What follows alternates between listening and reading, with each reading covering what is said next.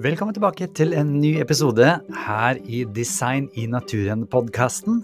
Jeg heter Chris Duve, og jeg vil bare minne deg på at du kan ta hele kurset her helt gratis med 38 forskjellige eh, informasjonsvideoer som da er lagd en podkast ut av, hvis du går inn på chrisduve.no og klikker deg inn på Design i naturen-kurset.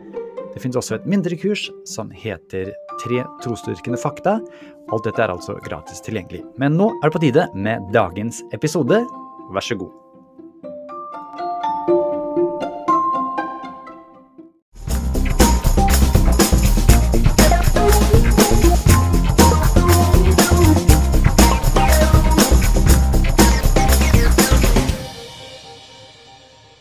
Hjertelig velkommen til modul nummer tre.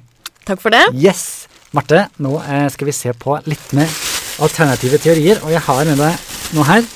Tenk deg nå at du hadde hatt eh, mikroskop, Ja. og så hadde du tittet ned i en plante, og så har du sett denne her. Ja. Hva hadde du tenkt? Da hadde jeg tenkt eh, hvem har lagt den der, for dette er ikke i en plante. Men det er det faktisk. Cella, eh, mikrobiologi som det heter. Vi skal møte en som heter Michael Behe i denne eh, modulen her. Han har studert hva som er opp inni der. Okay. Og en av de tingene er et sånn motor som heter flagellum, som kan gå opp i 100 000 omdreininger i minuttet, og som er helt, helt, helt crazy. Og jeg ville sagt det samme. Hadde du sett den der, hvem har lagt den der? Ja. Og det samme spørsmålet stiller også Michael Behe og Stephen Meyer. Fordi nå skal det handle om intelligent design. Hva er det, tror du? Eh, det må jo handle om eh, at det må være intelligens som designer, et eller annet. ja, ja. ja, ja. Det er helt riktig. Og design på engelsk er faktisk også en plan å finne på noe, ikke bare klesdesign og sånt. ikke sant? Ikke sant? Disse spørsmålene skal vi få svar på i løpet av denne modulen. Vær så god. Hei, det er Chris her, og hjertelig velkommen til en av de mest spennende undervisningsvideoene i hele kurset. Temaet er evolusjon er lik devolusjon. Nå skal du høre hva dette går ut på. Første sitat fra Peter Ward. Han sier Is there any science in studying something that has not ever been observed? Skal man studere ting som aldri har blitt observerte? Ja, et veldig godt spørsmål. Jeg tror det faktisk, men vi må se på hvordan vi trekker sluttrekninger av dette her. I denne leksjonen skal det handle om hvordan gjør evolusjon at nye tilpasninger i dyr eller planter skjer, og hvordan kan man så forklare at makroevolusjon skjer. Aller først litt mer om mutasjoner. For hva er det for noe igjen? Jo, du har altså denne genkoden, ikke sant, DNA-koden, og når det skjer feil i DNA-kopieringen, eller endring i DNA i proteiner inni disse mikrobiologiske informasjonsdelene, da er det snakk om en mutasjon. Og som regel, sånn som det står i NOVA 8 her, så er de negative for organismen. Her er det et sånt eh, gen som regulerer når det skal sluttes med å lage, lage tær og fingre, som tydeligvis har blitt ødelagt. Og da står det også her i teksten at dette er en mutasjon. Mutasjoner er oftest skadelige for individet, men kan være gunstige. Seinere i teksten så står det, selv om genet kan være gunstige, en tilpasning, så står det her de er skadelige, men kan være gunstige. Alle disse nye kunnskapene om nedarvingen av e- egenskaper passer perfekt til Darwins utviklingsteori. Derfor er Darwins teori i dag akseptert av de fleste vitenskapsmiljøer osv. Men er det egentlig slik? La oss se på saken. Først litt hva NRK skole sier om hvordan utviklingen har foregått i makroevolusjonen. Miljøendringer fører til utvikling og tilpasning av artene. Dette har historiens store puslespill vist oss gang på gang. Insektene kom allerede noen millioner år før noen kjøttfinnefisker utviklet smarte finner. Disse smarte finnene hjalp fiskene til å gå på grunne områder i grensen mellom hav og land. Og dette var et veldig viktig steg i utviklingen av firbeinte virveldyr på land. Og Da er spørsmålet kan evolusjon og hvordan evolusjon fungerer med mutasjoner og naturlig utvalg, forklare disse hoppene at det oppstår ny informasjon, nye kroppsdeler, nye proteiner, for dette må jo skje på mikrobiologinivå. um, og nye dyreslag, dyrefamilier uh, osv. Går det an? Går det ikke an? I eh, Aurika T. Gyldendal står det noe om hvordan nye arter oppstår. Og jeg viste denne teksten til dr. Michael Behe, som har studert gensekvenser spesielt mye de siste årene, og nettopp kom med en ny bok som heter Darwin på retur, eller Darwin Devolves, som er jo da tema for denne leksjonen. Her en liten bit av det intervjuet.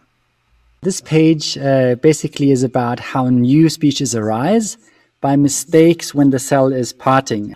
And so um, it says that uh, these animals get a positive mutation, and through that, because they get an advantage, they get a bigger population, and uh, then they build that into their offspring. And in this way, evolution is going on, and the animals are getting better or stronger or, yeah, more fit to live where they're living. And this sounds very logical to me. Um, you know, for me, I'm a cabinet maker. I love making stuff. And if yeah. there's a better tool than the one I have, I love to get it. Uh, yeah, of course, I don't always buy it because I don't have the money always. But uh, if there's a better tool, you, you want to use it, you know, and you get quicker and things improve. So uh-huh. why shouldn't this happen in nature? Well, um, it, it does. It, it actually does. This this picture here is is exactly right. That you can have a population of fish, and you can have a mutation come along and have a, a variation, and maybe that variation will help. But notice that the variation doesn't change the fish very much at all. You're not on your way to a land animal or anything. And what I've emphasized in my writing, and most recently in Darwin Devolves, is that these changes can often come about by breaking genes. Og det er faktisk det som er hovedelementet her. For hva er det vi egentlig får ut av mutasjoner i DNA? Det er jo små endringer i dyr, selvfølgelig. Altså en hare kan få hvit pels osv. Um, og den endringen, sier han, skjer altså ved å knekke gener. Jeg forsto på en måte i min opplæring i evolusjon på skolen i alle fall at det er en ny ting, nyskapning, og jeg føler at det var det vi hørte fra NRK skole i stad også. La oss høre litt hva dette er med evolusjon, devolusjon. Vær så god, Michael Behe. You, in order to evaluate Darwin's theory, you have to look at the molecular level of life, the biochemical level of life. because that's what mutations are. They're changes in molecules, in DNA and proteins. And it turns out that only in the past 10 years or so have scientists been able to look at the DNA of these different breeds of dogs and try to find the mutations that cause these traits. And I have in the book, in Darwin Devolves, a list of them, and I have it here on the slide. And it turns out that the changes in these very complex genes are always due to breaking the gene or degrading the gene so it works less well. So, if you want to produce a bulldog that has a shorter muzzle, shorter snout than a normal dog, you can break the gene that helps the facial anatomy develop.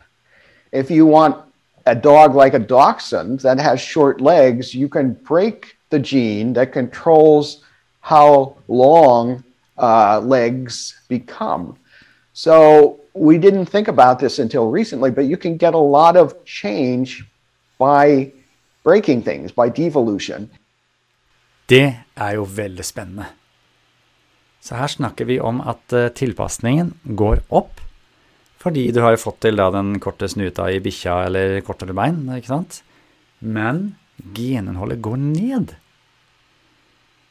Dr. Michael B. snakker også i boken sin Darren DeVolves om at det er veldig lett å ødelegge noe, men det er ikke så lett å bygge igjen. Det er jo, altså det, sånn er det alle steder. Men er det sånn i genetikken også? La oss høre litt med han. Because turns out you can break a gene in a lot of places. That this long line is supposed to be the gene, and this is all the places where it can be broken. Just like you can break your computer by hitting it in a whole lot of places. But if you want to improve it, if you want to improve your computer, there's very few places you can hit it with a hammer and, and improve it. Så da er spørsmålet, når et gen kan ødelegges på mange måter, og det noen ganger er til fordel. Hvorfor gjør det at genet blir ødelagt, organismen bedre?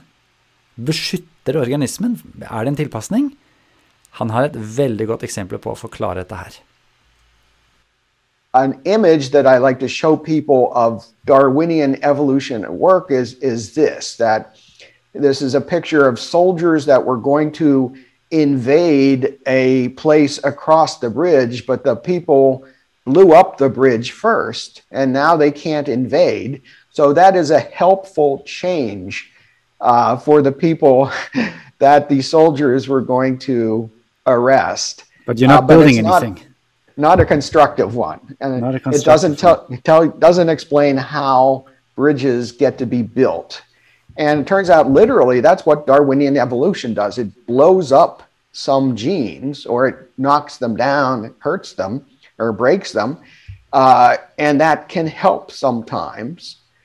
But um, but that's not the way uh, things get built. Det er spennende. Og når du da tenker på det eksempelet som man allerede har um, vært inne på, at noe blir ødelagt, blir en bedre tilpasning, så har han et veldig godt eksempel på det med brunbjørn og isbjørn. Fordi isbjørn kommer faktisk fra brunbjørn, og det er mulig å se nå, fordi gensekvensering det skjer i løpet av veldig kort tid nå. Så kan du få en hel um, tekst av gen genetikken fra ett dyr eller fra et annet dyr, sammenligne de og se. Og her er det noe spennende med isbjørn for den er brun. Hvordan blir den hvit? Du ødelegger faktisk det fargegenet. Hør her. Uh, folks in Norway probably know more about polar bears than I do, but polar bears are descended from brown bears.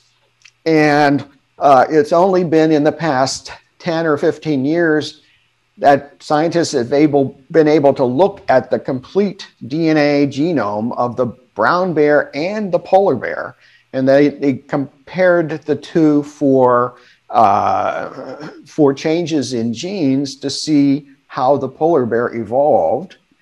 And it's been published, and it, it says we, uh, that the workers found out that a large proportion of the mutations were actually functionally damaging. That is, they broke the genes that they occurred in. And it's actually more than 50%, depends on how you count. Oh, whoops, sorry. uh, it depends on how you count them.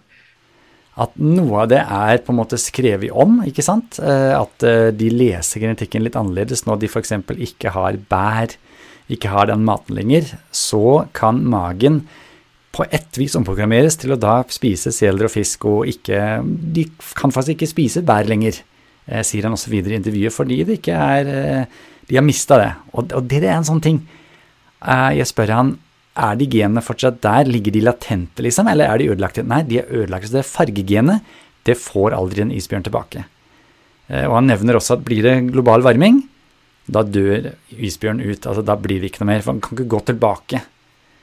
Og dette syns jeg er spennende. Men at man får fordeler av å ødelegge ting, det tror jeg vi må bare ta en runde til på. Og han har et veldig godt eksempel her med noe som jeg snakker om degradation, altså degradering. Altså at det går nedover når man prøver å nå et mål.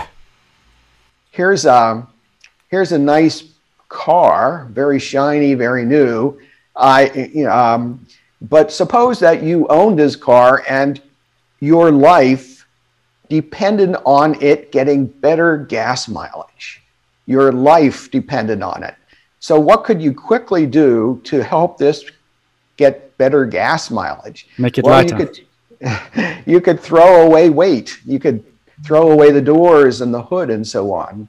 This doesn't look as nice as this, but if your life depended on getting better gas mileage, this would be the way to change your car. So it seems like biology does the same thing. Så han sier at når man da vil få kjøre lengre, så kan du kaste ut vekt, kaste ut setene, eh, ta av dørene osv., så, videre, så kan du kjøre lengre hvis det er det som gjør at du kommer til å overleve. Men du har jo egentlig mista ting, så den tilpasningen, den har blitt bedre, mens genmaterialet har gått nedover. Og da er det klart, Blir det egentlig noe nytt? Kan du lage nye proteiner, nye kroppsdeler, nye typer dyr? Det blir vrient. Jeg spør han helt direkte, for jeg syns fortsatt det er litt utrolig at dette er det som skjer. Hør nå. So, can you think of any mutations where something is actually being built, where things are getting better? No, I can't. I wish I could. You know, it would make me sound more reasonable, but but I can't. I, there's I in my book I point to one mutation that at least caused something new to uh, to uh, occur, but that was the mutation that changes normal hemoglobin to sickle hemoglobin, and in sickle hemoglobin uh, hemoglobin, which is, of course, the protein that carries oxygen in our red blood cells, it normally is present at very high concentration. But when there's a sickle, uh, sickle mutation in one amino acid position out of, of hundreds of different ones, they stick together when they're when they are deoxygenated, when they don't have oxygen bound.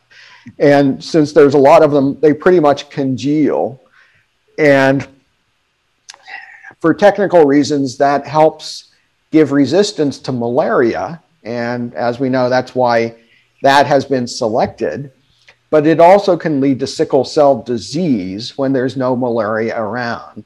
So even though that's sort of a gain of a, the ability of a protein to bind to itself, it's not really building anything constructive and it, has got a lot of downside to it. I think and even the, the next generation children, some of them die young and. Uh, exactly. Mm. It, it's a desperate change for a desperate circumstances. And it's certainly not on its way to building anything. For en tanke. Til og med den malariatilpasningen eller uh, dette med å bli immun mot uh, antibiotika osv., så, så man tenker at det er jo evolusjon. Men egentlig så er det bare ting som blir knekt, som ikke funker, som da gjør at det blir en tilpasning. Ting blir bedre. Men innholdet osv., det er da på vei nedover.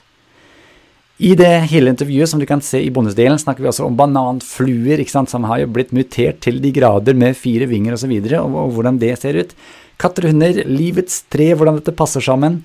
Han har et veldig kult eksempel med en innbruddstyv, eh, som jeg ikke vil røpe nå, for da har du kanskje lyst til å se videoen i bondesdelen. Og så svarer han litt på hvordan han har svart på kritikken som har kommet mot hans forskjellige tanker. I neste runde så skal vi ha om ikke-reduserbar kompleksitet, altså at systemer, f.eks. det med delfin-ekkoloddet, ikke sant, eh, men også mange andre intrikate systemer, som flagellum-motoren på bakterier, rett og slett ikke fungerer delvis. Alt må være der. Og derfor gir det også et veldig godt innblikk i forhold til at kanskje det trengs design. Men i denne leksjonen har du lært at evolusjonens tilpasninger via mutasjoner er altså ødelagte gener. Noe er en rearrangering av små deler, ikke sant? Eh, hvor åpnes opp, det spleises eh, bitte litt forskjellige. Men det kommer altså ikke inn noe nytt genmateriale.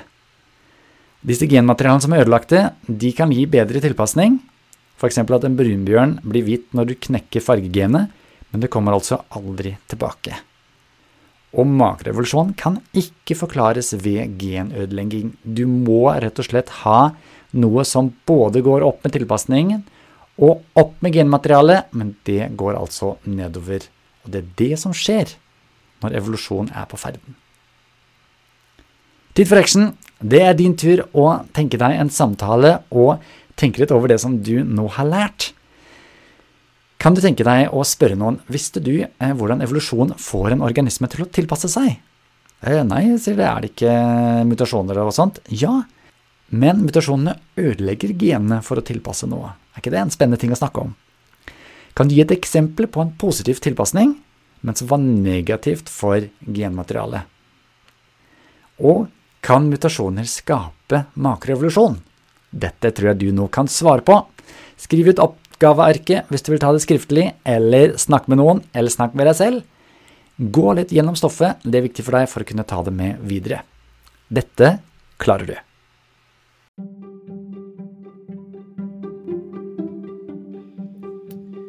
Igjen, dersom du ønsker å få tilgang til de hjelpearkene eller oppgavearkene, så er det jo fullt mulig for deg å signe opp til kurset. Da går det an å laste det ned. Hvis du går inn på chrisduve.no, så ser du all informasjonen der. Dersom du ønsker å støtte denne podkasten og annet arbeide som jeg holder på med, kan du også lese mer om det på chrisduve.no. Takk for nå.